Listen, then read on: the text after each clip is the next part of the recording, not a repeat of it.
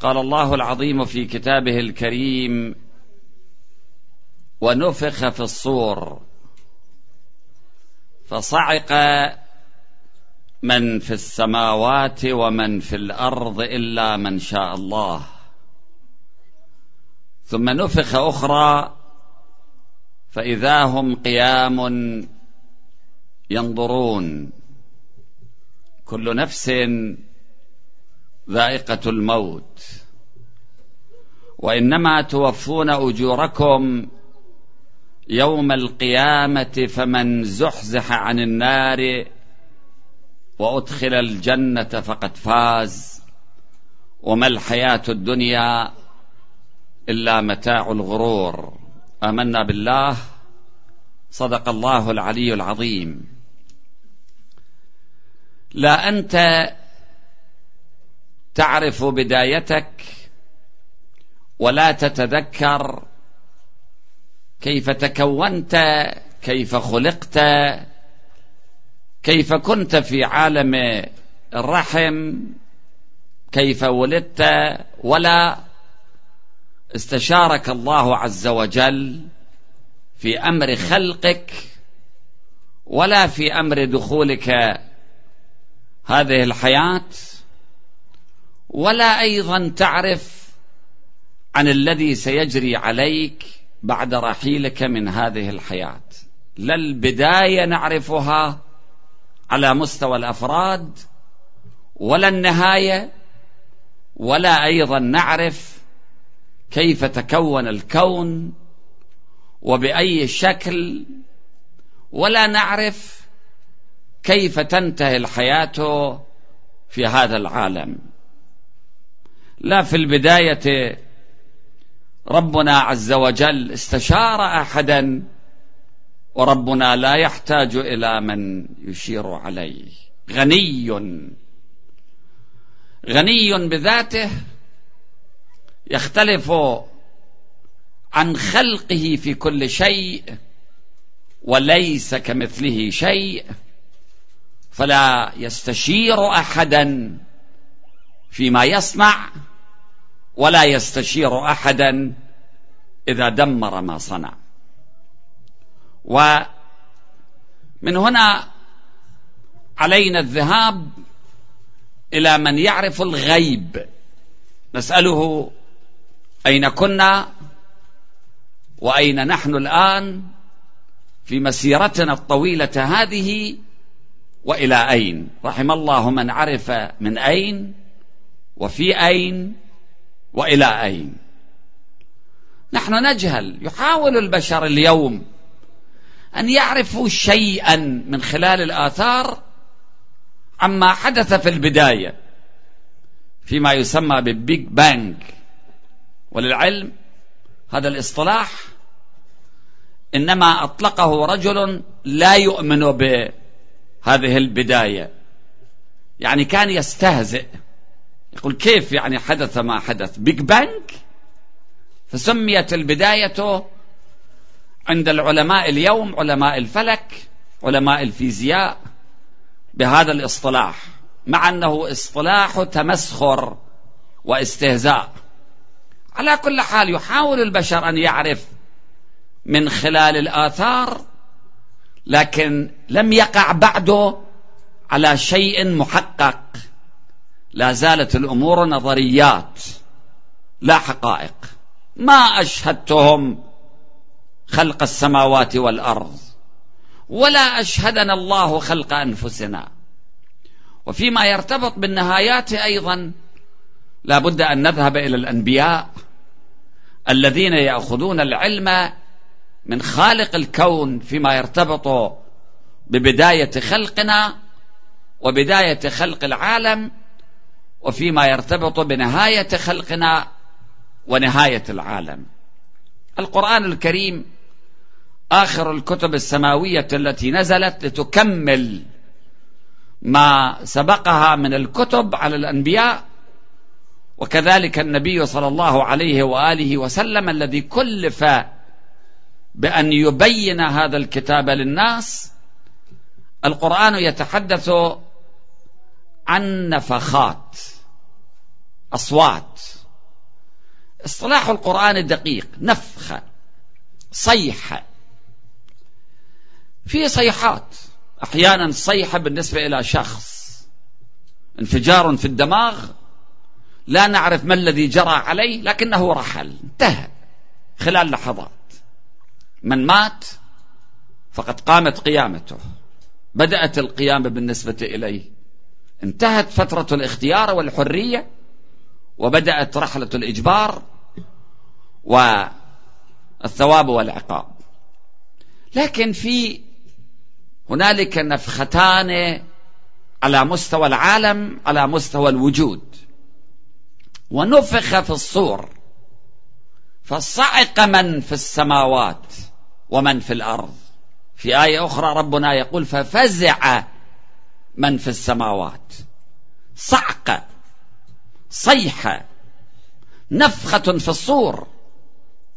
هذه تنتهي إلى موت جميع الناس وجميع الأرواح. كل ذي روح يموت في هذه الصعقة إلا من شاء الله. إلا أربعة أرواح تبقى. ثم نفخة أخرى نفخة أخرى هي نفخة البعث والقيام. مرة أخرى فإذا هم قيام ينظرون. يقول كل نفس ذائقة الموت إنك ميت وإنهم ميتون. كل ما خلق الله من نفس منذ البداية محكوم عليها بالموت.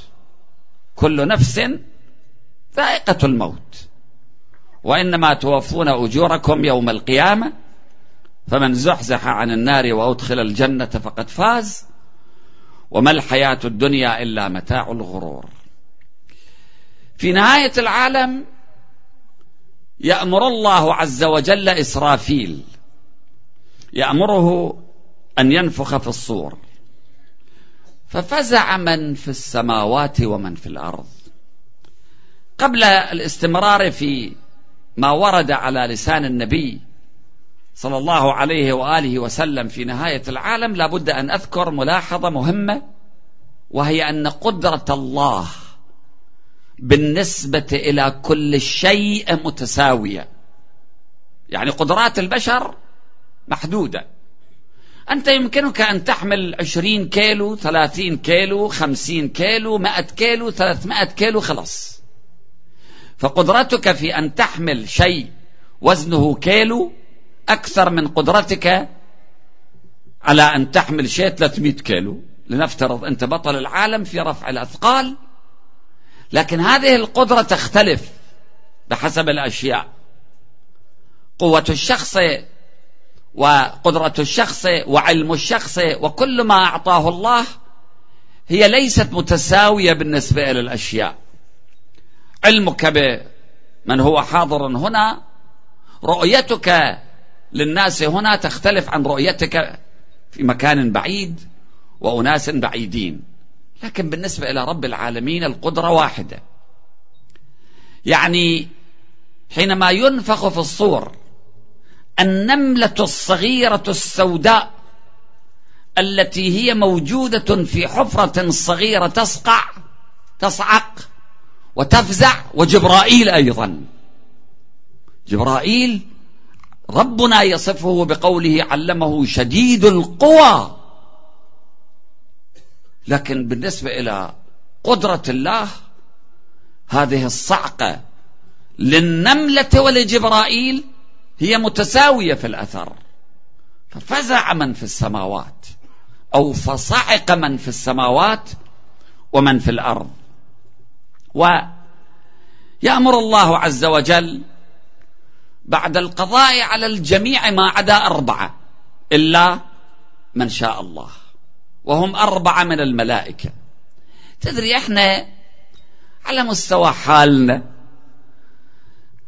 جماعة من العاجزين قدراتنا محدودة إحنا نفكر العالم كله إحنا فكل مقاييسنا إحنا لكن العالم أكبر منا خاصة ما لا نراه وهو عالم الملائكة.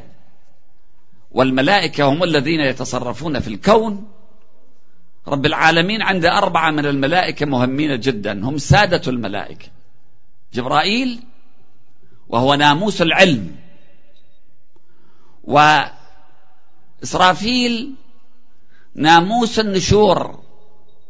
وعزرائيل ناموس القبض. وميكائيل ناموس الأرزاق. هؤلاء هذه الأمور بأيديهم. العلم الرزق بمعنى العام لكلمة الرزق والبعث والنشور. وهنا أيضا ملاحظة قبل إكمال هذا الحديث وهي أن الله عز وجل آه، في بعض الأمور يمشي عبر الوسائط. فابتغوا إليه الوسيلة. مثلا أرزاق الناس يجعلهم على أيدي الناس. دع الناس يرزق الله بعضهم من بعض. أحيانا رزقك عند جارك عند زميلك عند صاحب عملك. أحيانا رزقك في المزرعة أحيانا في منصب.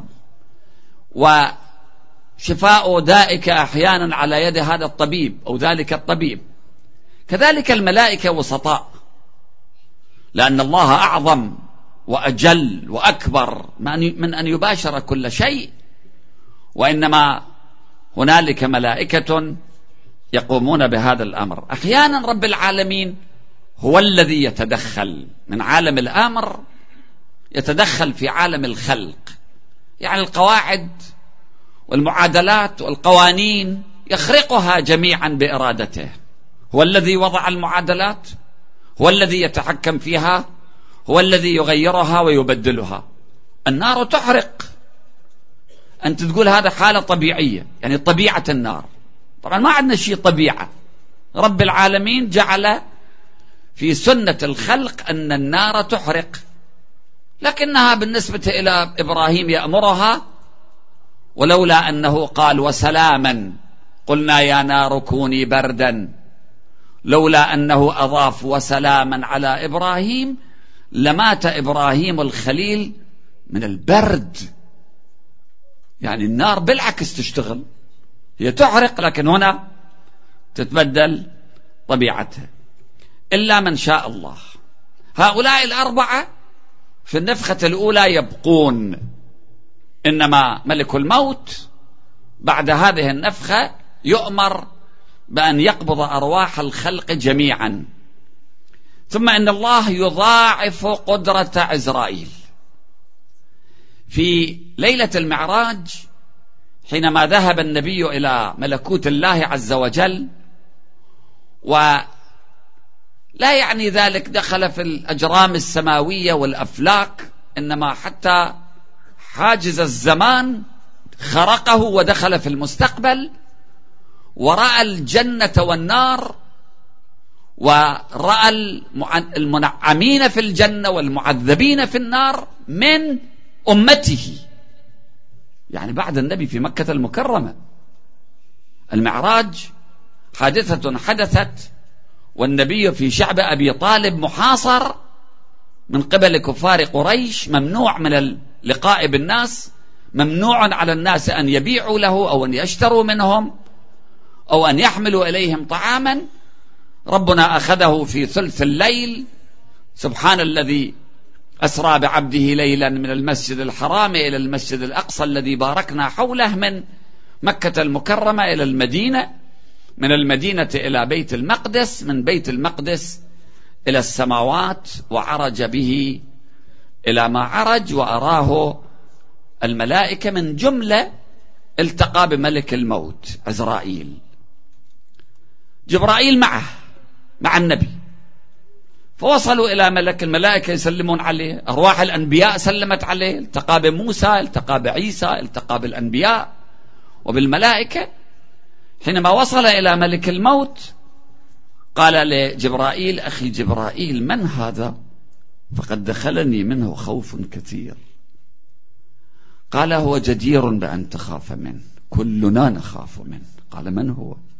قال هذا ملك الموت عزرائيل. فقال له النبي كيف تقبض أرواح الناس؟ شوف تعبير عزرائيل. قال كيف الدرهم في كفك؟ إذا تخلف الدرهم في كفك شلون تقدر تصعده تنزله تقلبه تفعل به ما تريد؟ قال كيف الدرهم في كفك؟ العالم كله عندي مثل هذا الدرهم في كفي.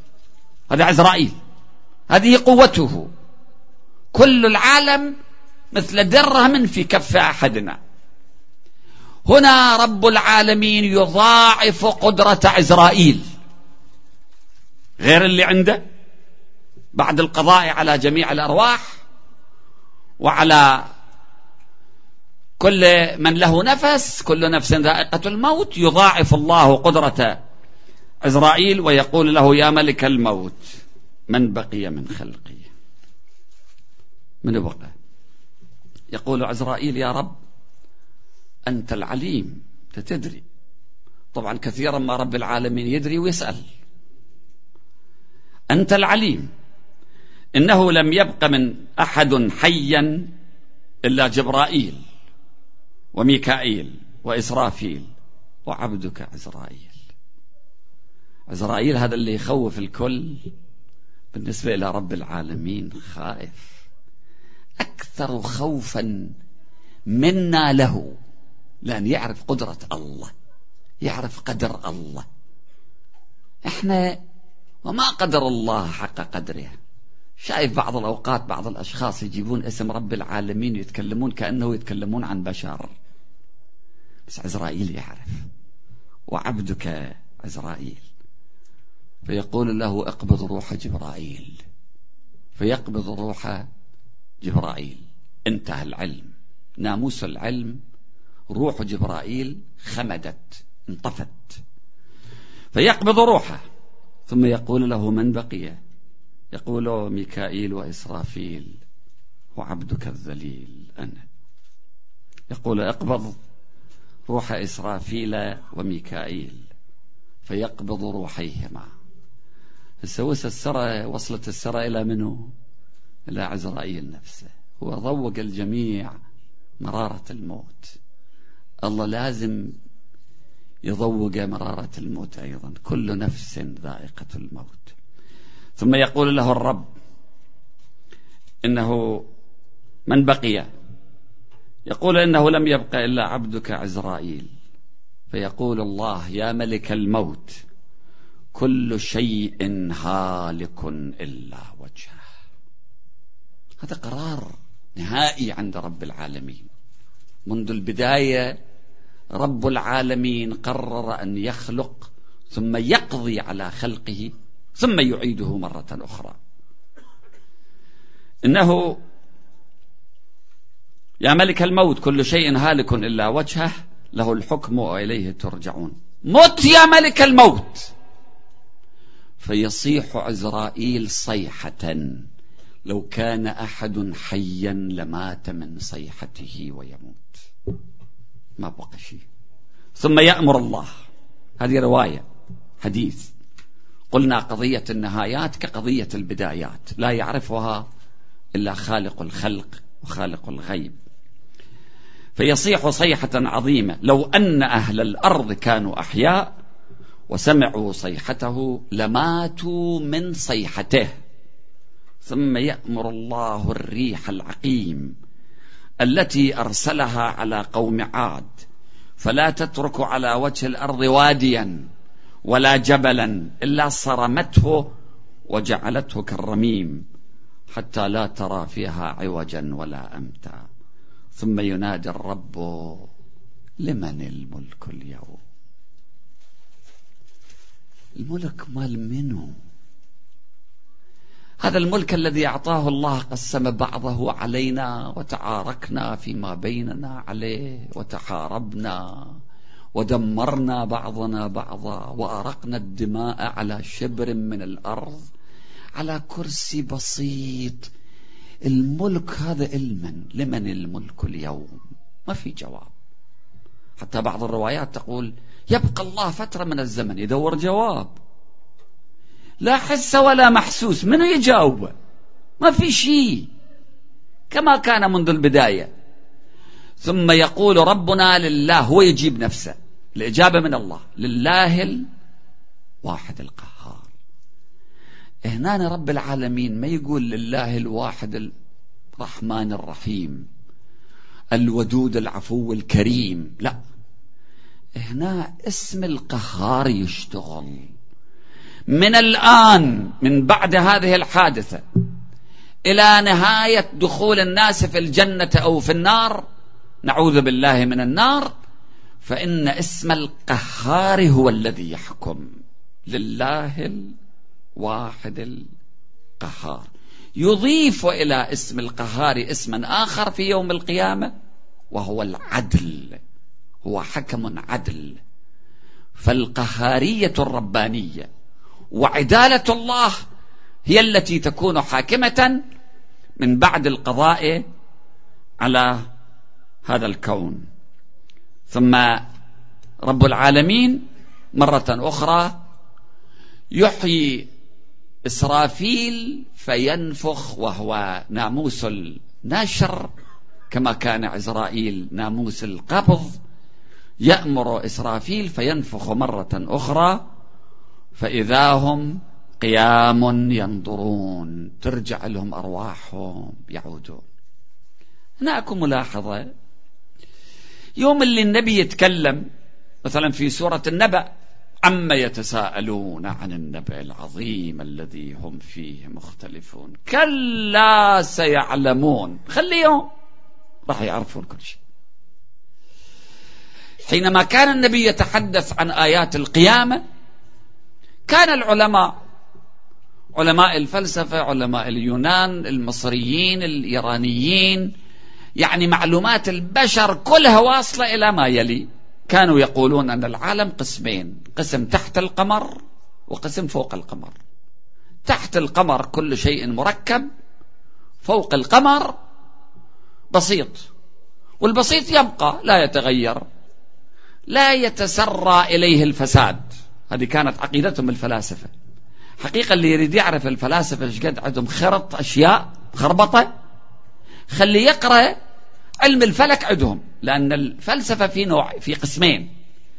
قسم ما يرتبط بهذا العالم قسم ما يرتبط بعالم الغيب أو الميتافيزيقيا يعني ما وراء الطبيعة. طبيعة وما وراء شوف الطبيعة ما فاهمين شيء.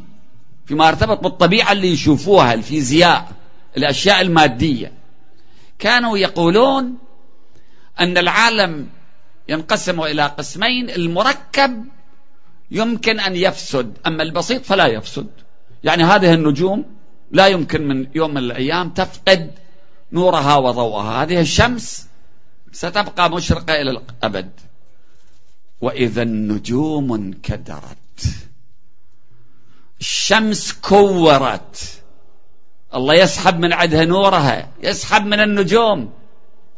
يعني هذا في ذاك الوقت كان يعتبر كفر. خلاف لكل الفلاسفة. الذين كانوا يقولون الجسم البسيط والشيء البسيط ما يتغير ما يتبدل لا يسري إليه الفساد. والنبي يقف أمامهم جميعا ويقول لا هذه النجوم أيضا طبيعتها كطبيعة الأرض. البشر احتاجوا إلى أكثر من ألف عام حتى يكتشفون الكواكب مثلنا. ماكو عندنا شيء بسيط وشيء مركب والبسيط ما يتسرى إلى الفساد والمركب إلى كذا. لا الكرات أيضا مثل بقية الأماكن الأخرى. رب العالمين يقضي. شلون يقضي على هذا الكون؟ بس قدرة رب العالمين. كيف؟ خليني أضرب لك مثال بسيط لو عندك مسبحة وهذه الخرز في داخل الخيط وانت جيت شلت هذا الخيط كل هذه الخرز تطشر ما شكل هذا الكون مترابط هذا الكون مثل هاي السجادة كل عقدة فيها مرتبطة بالعقد الأخرى. أنا وأنت مرتبطون ببعضنا. من أي ناحية؟ الأرض هي التي تجمعنا. أليس كذلك؟ الأرض مرتبطة بمن؟ بالشمس. بالمنظومة الشمسية. المنظومة الشمسية مرتبطة بماذا؟ بهذه المجرات مجرة درب اللبانة اللي إحنا جزء من عدها. هاي المجرات بعضها مرتبطة ببعض. يعني رب العالمين يقول يوم نطوي السماء كطي السجل للكتب نطويها مثل ما نشرناها. شلون نشرناها؟ نطويها مرة ثانية. يعني إذا هذا الخيط رب العالمين بواسطة عزرائيل جر الخيط من هذه النجوم وهذه المجرات وهذه الكواكب وهذه المنظومات الشمسية تصطدم بعضها ببعض وجمع الشمس والقمر. كلها يضربها ببعض يخلصها. الله جبار. الله متكبر. صحيح الله رحمن ورحيم وكريم ولطيف وعطوف لكن في نفس الوقت جبار. إذا أراد شيء يعمله. والذين يظنون أن هذه القدرات طبيعية للناس مخطئون. الله يعطي أحيانا. فترة من الزمن يمتحنا كن فيكون. ما يحتاج يقول كن. يشاء فيكون ما يريد. والسماء بنيناها بأيد وإنا لموسعون. السماء بنيناها بقوتنا وإحنا بدنا نوسعها. يوم من الأيام نطويها نجمعها. كل هذا الموجود نجمعها. في لحظة من اللحظات. وحينئذ يحدث ما يلي. أول حادثة تقع بعد النفخة الثانية آه، هي أن الناس يخرجون من قبورهم إلى صحراء المحشر إلى ذلك الصعيد الواحد المستوي. يجتمعون هناك للحساب. هو مجرد خروجهم من القبور مسألة ها. كيف هاي اللحم يتجمع والعظام تتجمع ننشزها لحما ويخرجون من قبورهم وكل واحد بشكل يختلف عن الآخر. يعني هسه الحساب دقيق نتكلم عنه يوم من الأيام لكن القيامة تبدأ من لحظة خروج الناس بالنسبة إلينا بالنسبة للعالم. ماذا أتكلم؟ أو الملائكة. بالنسبة لنا القيامة تبدأ من لحظة خروجنا من القبر. إذا كان الشخص من الصالحين استقبلته ملائكة الرحمة. وإذا لم يكن من الصالحين استقبلته ملائكة العذاب. يجروهم بالسلاسل. يقول الإمام الباقر شوف بعض الناس شلون منذ البداية كيف وضعهم. يقول إن الله تبارك وتعالى يبعث اليوم القيامة أناسا من قبورهم مشدودة أيديهم إلى أعناقهم. إيش كل شادين أيديهم إلى أعناقهم لا يستطيعون أن يتناولوا أنملة أو قيد أنملة. معهم ملائكة يعيرونهم تعييرا شديدا. يقولون هؤلاء الذين منعوا خيرا قليلا من خير كثير. يد الله مغلولة. قال اليهود بالنسبة إلى الله عز وجل يعني شنو؟ هذا تعبير. يد مغلولة يعني إذا ساديها ما يقدر يحرك إيده ما يقدر يعطي الشيء لأحد. المعنى الآخر يعني بخيل. تقول إيده هكذا. يعني مشدودة. يعني ما يفتحها يعني ما يعطي. هؤلاء حينما يخرجون من قبورهم فصفاتهم حاكمة فيهم. الكريم صفة الكرم حاكمة فيه حتى يوم القيامة. حتى عندنا في الرواية أن الكريم في الدنيا كريم يوم القيامة. يوم اللي يشوف أكو ناس يحتاجون إلى بعض الثواب فمن ثوابه يعطي لهم. كريم هنا وكريم هناك. خياركم في الإسلام خياركم في الجاهلية. اللي كان في الجاهلية كريم في الإسلام أيضا كريم. اللي كريم بالدنيا في الآخرة أيضا كريم. هؤلاء تتحكم صفاتهم فيهم. هؤلاء اللي مشدودة أيديهم كانوا شادين أيديهم ما يطون. الله مطيهم هواية. هذول شوية ما كانوا يطون. غالبا تشوف البخل مع الأسف الشديد بالنسبة إلى أصحاب الملايين أكثر من الفقراء.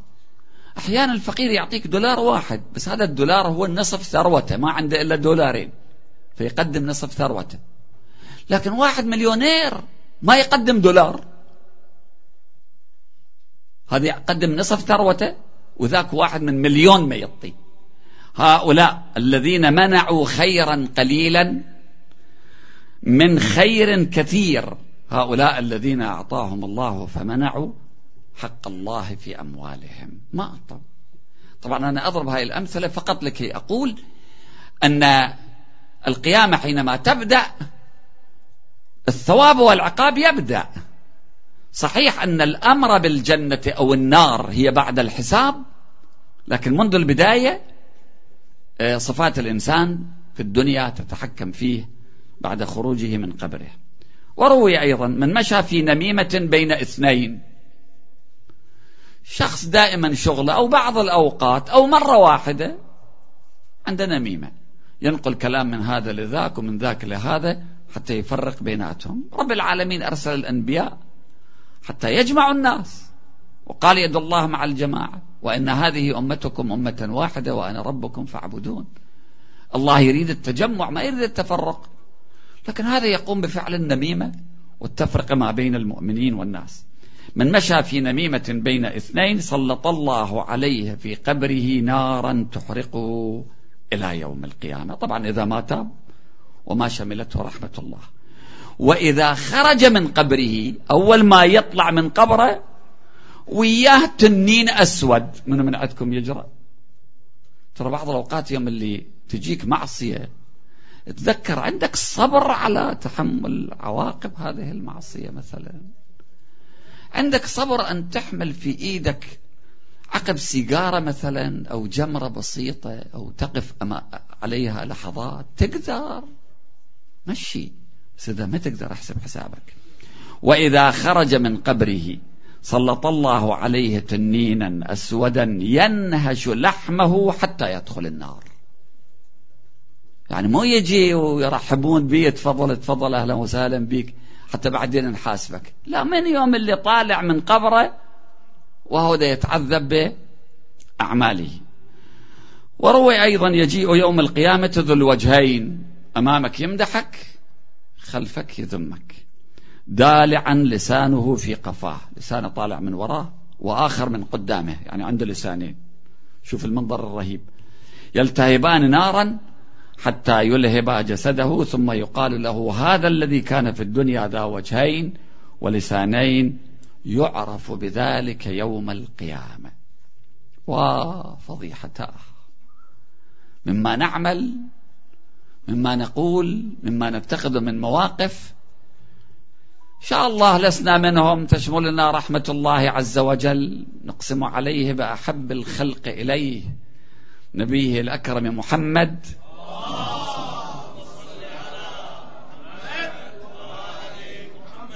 وبأهل بيته الطيبين الطاهرين أن لا يجعلنا من المعذبين لا في قبورنا ولا في يوم القيامة ولا فيما بعد.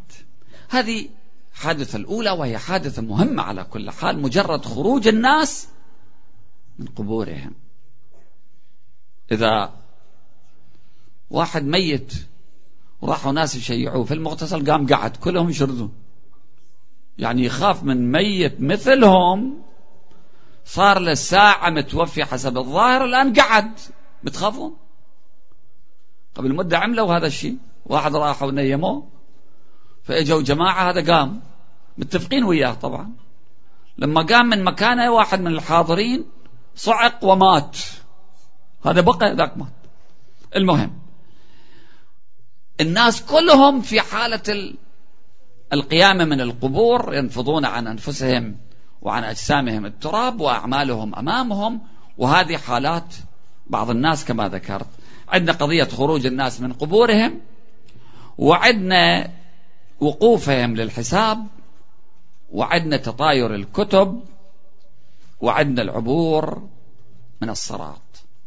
هذه بعض الأمور يوم القيامة إلى أن نصل إن شاء الله إلى جنة عرضها كعرض السماوات والأرض عدة المتقين إن شاء الله نكون منهم.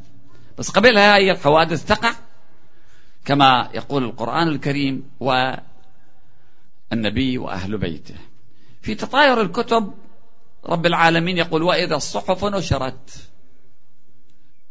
ويقول في آية أخرى وكل إنسان ألزمناه طائره في عنقه ونخرج له يوم القيامة كتابا يلقاه منشورا. اقرأ كتابك كفى بنفسك اليوم عليك حسيبا. هذا ما أمليته على الملكين.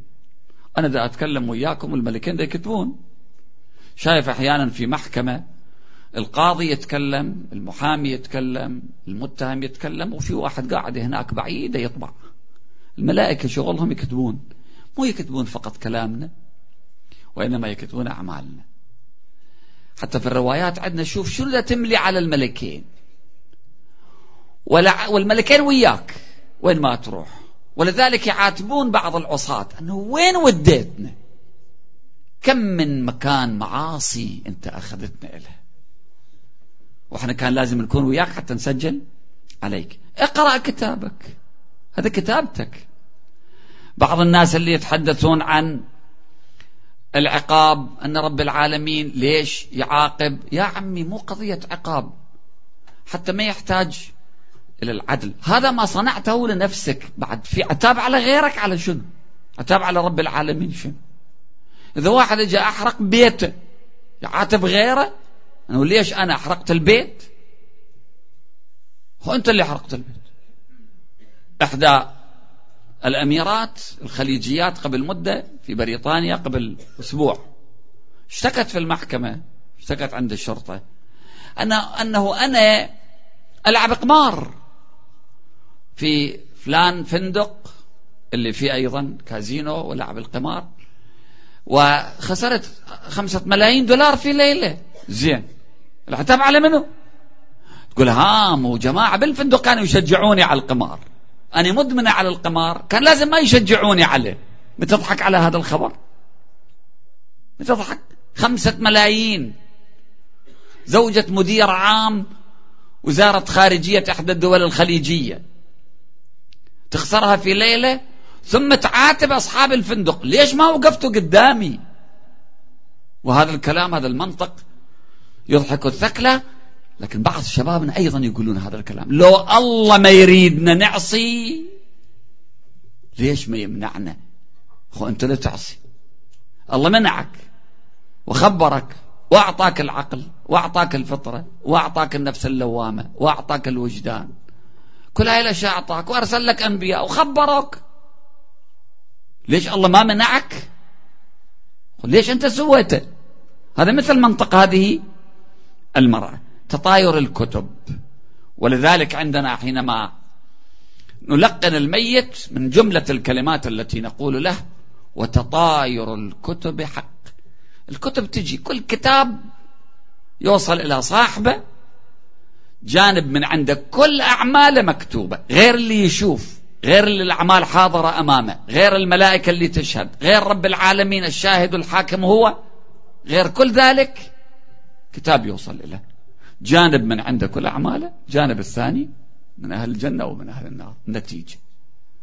صفحة كيف تنقرأ ما أدري. سابقا كانوا يفكرون أنه شلون يصير في الكتاب صغير كل شيء. فيه اليوم اللي عندك الآيباد وعندك الكمبيوتر وعندك الآيفون و... تشوف هاي الأشياء اللي البشر سواها يمكن ثمانين كتاب أنت تشوفها في داخل هذه الآلة الصغيرة اللي بقد الكف. كل أعمالك منذ بداية تكليفك إلى نهاية حياتك مسجلة هناك. هذه أيضا من الأشياء التي سنشاهدها هي تطاير الكتب. وبعد ذلك الحساب. هذا الحساب الشغل الأساسي. يوم القيامة. يعني مسألة محاسبة الناس على ما فعلوا وإعطائهم الفرصة لكي يدافعوا عن أنفسهم والمجيء بالشهود وأمام أهل العالم. هذه مسألة رئيسية بالنسبة إلى يوم القيامة. ليش الله مجمعنا هناك كلنا؟ حتى يحاسبنا حتى يتبين آه، الخير من الشر لأن يوم القيامة يوم الفصل الله يريد يفصل الخير من الشر والخيرين من الأشرار. وهذا الحساب له كلام طويل. إن شاء الله نقتصره بمحاضرة أو محاضرتين حتى نذهب إلى الموضوع الرئيسي إن شاء الله وهو موضوع الجنة وما أعد الله فيها للمتقين. يكفي أن نقول أن قبل ذلك عندنا الصراط.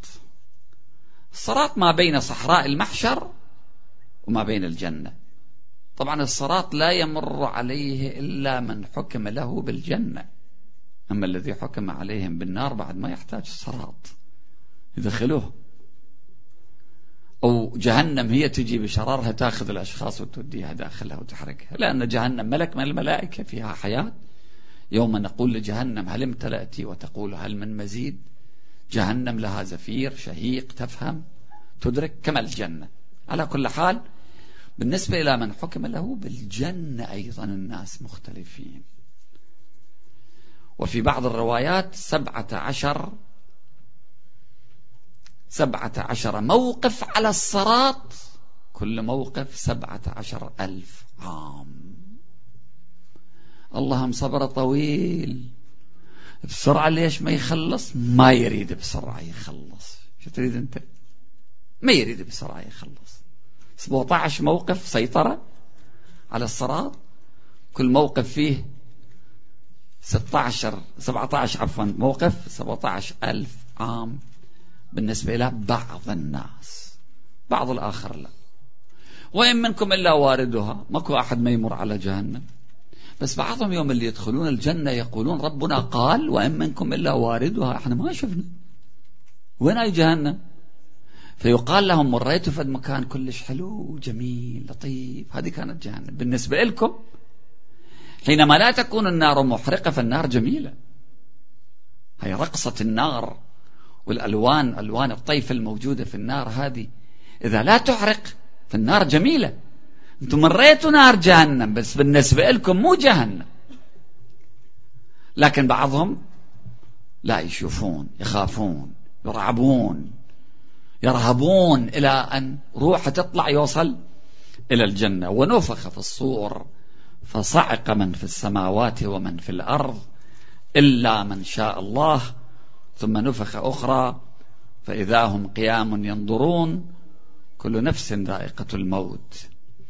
وإنما توفون أجوركم يوم القيامة فمن زحزح عن النار وأدخل الجنة فقد فاز. وما الحياة الدنيا إلا متاع الغرور. وآخر دعوانا أن الحمد لله رب العالمين وصل اللهم على محمد وأهل بيته الطيبين الطاهرين.